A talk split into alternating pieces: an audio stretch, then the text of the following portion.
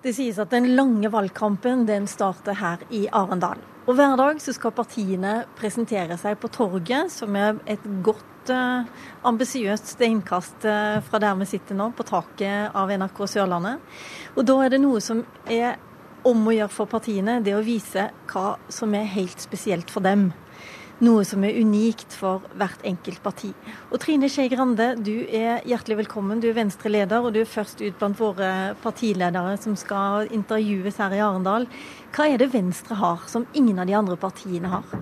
Vi er et sosialliberalt parti. Vi er et veldig ideologisk retta parti. Jeg tror kanskje vi er det partiet som bruker ideologien vår mest eh, når vi avgjør våre standpunkt i enkeltsaker. Så er vi et grønt Tror du velgerne liksom åh, det mest ideologiske partiet, det jeg tror jo Samme grad i ideologi, liksom? Jeg tror noen faktisk liker at man har noen faste ideologier. Vi ser i Europa i dag hvordan de klassiske liberale prinsippene blir utfordra på punkt etter punkt. Vi ser hvordan nasjonalisme vokser, hvordan ekstremisme vokser. Det at noen faktisk løfter de klassiske liberale sakene, tror jeg er viktig. Og det andre som gjør oss forskjellige fra andre, er at vi er et grønt parti som også har en næringspolitikk som henger sammen med miljøpolitikken vår. Det betyr at vi eh, ønsker også å ha et levende næringsliv eh, og et grønt skifte i næringspolitikken. Og sånn vil vi ha, koble både god miljøpolitikk opp mot det å skape et, eh, et næringsliv som skaper arbeidsplasser for, og framtid for Norge. Men Skal du ha en annen tone, eller skal dere ha andre saker? Jeg tenker på, altså Både SV og MDG har jo miljøsaken. Dere har skole som en viktig sak, men det er det mange andre partier som også har. I tillegg så har du skatt og næringsliv, som Høyre har. Ja, men forskjellen er at vi kombinerer en god skatte- og næringslivspolitikk med en god miljøpolitikk. Det er det ingen andre som, som gjør. Og det er en forskjell på Venstre i forhold til de andre. Vi har kombinasjonen, altså. kombinasjonen med forståelse for at det er masse småbedrifter og næringsliv som må leve framover, kombinert med at vi må gjøre et stort grønt skifte hvis vi skal takle klima- og miljøutfordringene framover. Noen tror at det å, å takle miljøutfordringene handler bare om å ofre og ha det fælt. Nei, det er snakk om å faktisk få en bedre verden i andre enden. Men da må du bruke de virkemidlene som gjør at næringslivet vårt overlever, men omstilles. Lars Nehru Sand, velkommen til deg også. Du er politisk kommentator her i NRK.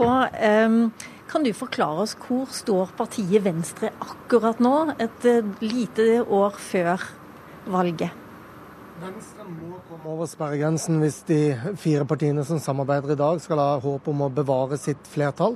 Eh, Venstre har aldri ligget under sperregrensen på, noen, eh, på snittet av meningsmålingene hver måned dette året, men de har gjort det på flere enkeltmålinger. og Det vi ser, er at Venstre sliter med å holde på de velgerne som stemte på Venstre for nå tre år siden, eh, og få de til å gjenta det valget hvis det hadde vært valg nå. Eh, mange setter seg på gjerdet, usikre på hva de skal stemme.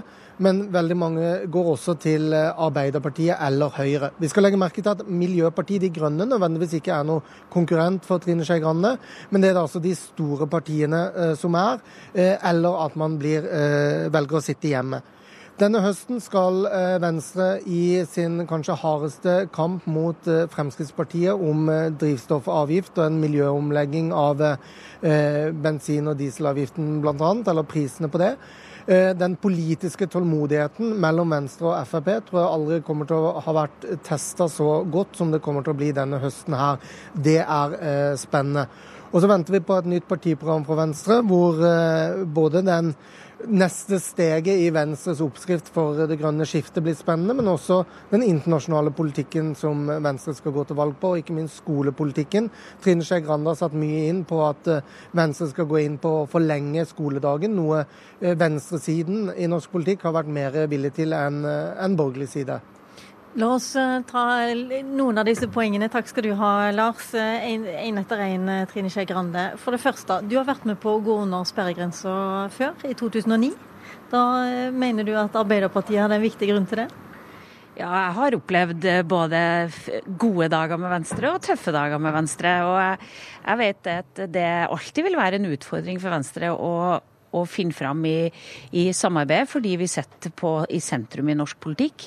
Eh, og vi har alltid mange velgere som har sterke meninger om hvor vi får gjennom mest av politikken i. Og to av tre velgere på det siste valget de mislikte ett parti mer enn noen andre, og det var Fremskrittspartiet, som du er garantist for å ha i regjering.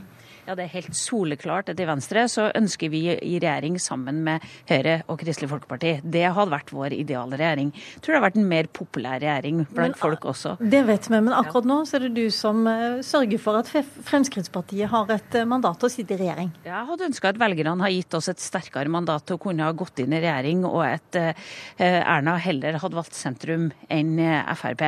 Det tror jeg har blitt bedre løsninger på mange områder. Men det vi ser, er at de samarbeidsavtalene har gitt oss enormt stort gjennomslag både i miljøpolitikken, i skolepolitikken, kunnskapsdelen som har vært viktig for oss, og i en rekke andre områder. Vi stoppa Lofoten og Vesterålen med samarbeidsavtalen. Det hadde vi ikke klart hvis vi ikke hadde inngått den avtalen. Lars Bonheim, din forgjenger, han lovte at han eh, ikke skulle samarbeide med Fremskrittspartiet. Han dro på guttetur med Jens Stoltenberg. Nå samarbeider du med Fremskrittspartiet som Venstre-leder, og du har vært på jentetur med Siv Jensen.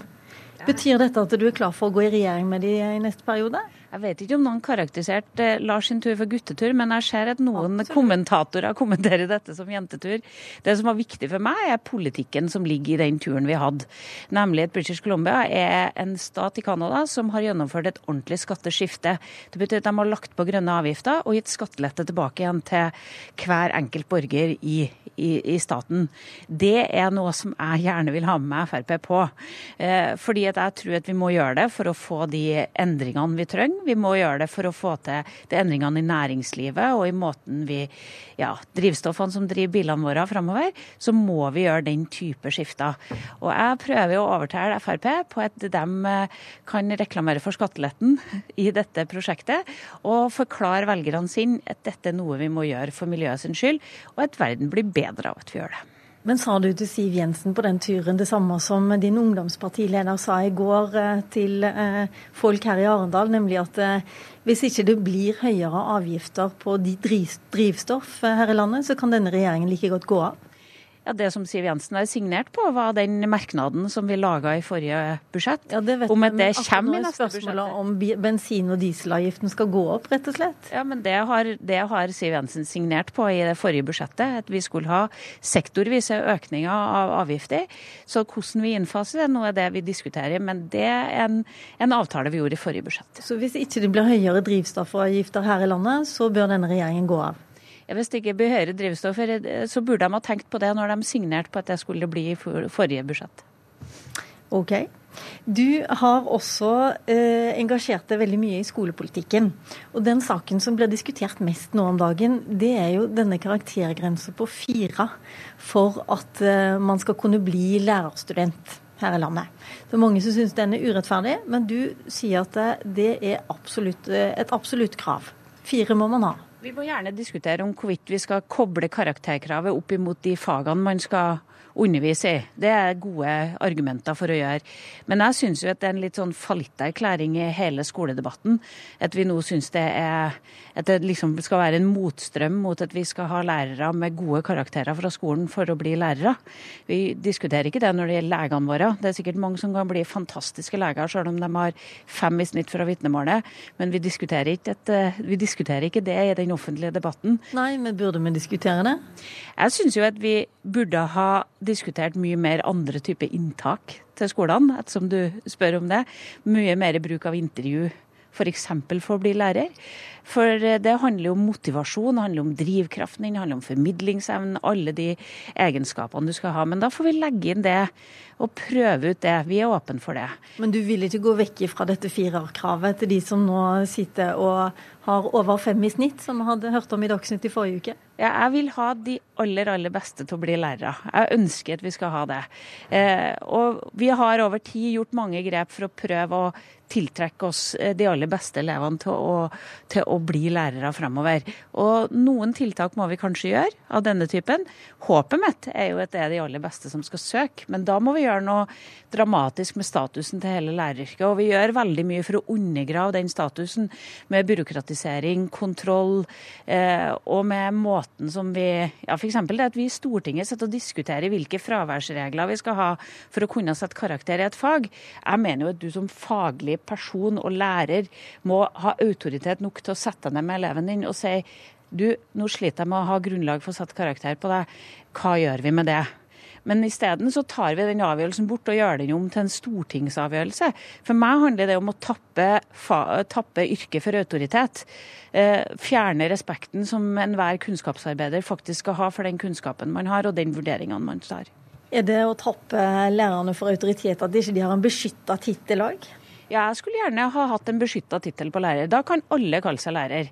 Eh, selv om du ikke har et fnugg av pedagogikk, kan du ha de høyeste titlene. Jeg har sjøl jobba er, helt adjunkt med opprykk, som er noe av det fineste du kan bli. Eh, fordi at jeg hadde universitetsfagene på plass, men jeg hadde ikke et fnugg pedagogikk. Jeg mener at eh, lærertittelen skulle ha vært beskytta sånn som eh, andre fagbeskyttelse er. Da er du utdanna, du er pedagog, du, du kan den jobben du har, og ikke alle som kan kalle seg lærer lærer bare for at de har fått jobben. Men altså, hvis du har en mastergrad eh, fra universitetet, så er du vel kvalifisert til å være lærer? Nei, jeg mener at du egentlig Altså, jeg ville ikke ha flere lærere sånn som jeg var. Som i og for seg kunne faget mitt, men som ikke kunne pedagogikk. Jeg var kjempeheldig og har masse veldig flinke klasser. Eh, da er det ikke så vanskelig. Men når du virkelig møter elever med utfordringer, når du møter elever med lærerutfordringer, så bør du ha en pedagogisk ballast som gjør at du kan hjelpe dem på vei. Og da hjelper det ikke å være god i historie. Når du er historielærer, da må du også vite hvordan unger lærer.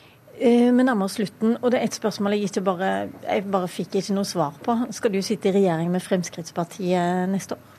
Jeg ser ikke for meg det som ja, så Dette skal vi ha en prosess på i Venstre, men jeg ser ikke for meg det som en løsning. Det har nok denne perioden lært oss. Et, mange måter som Frp-statsråd opptrer på, så er det vanskelig å tro at venstrefolk skal hefte for det. Men vi ønsker Venstre i regjering. Eh, vi Det skjønner jeg, at du gjerne vil det. Men en annen ting jeg lurer på, kan dere leve med en sånn type samarbeidsavtale i fire år til, sånn som dere har hatt nå?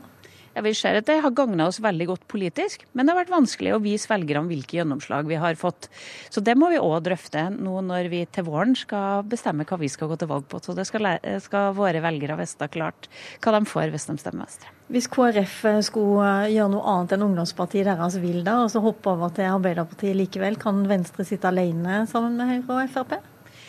Vi, ja, vi må jo se an prosessen i KrF. Jeg håper jo at KrF fortsatt ønsker å, å være med og samle sentrum. Eh, jeg er forundra hvis de velger å gå med et Senterparti som jeg mener har bevega seg veldig i feil retning det, det siste året, og som, som har kommet med uttalelser som, som, ligger langt unna et liberalt venstrehjerte. Jeg vil gjerne, eller jeg kan tenke meg at du gjerne vil snakke mye om de andre partiene også, men det får du ikke akkurat nå. Jeg må bare si tusen takk til deg, Trine Skei Grande, for at du stilte her i Arendal for partilederintervju.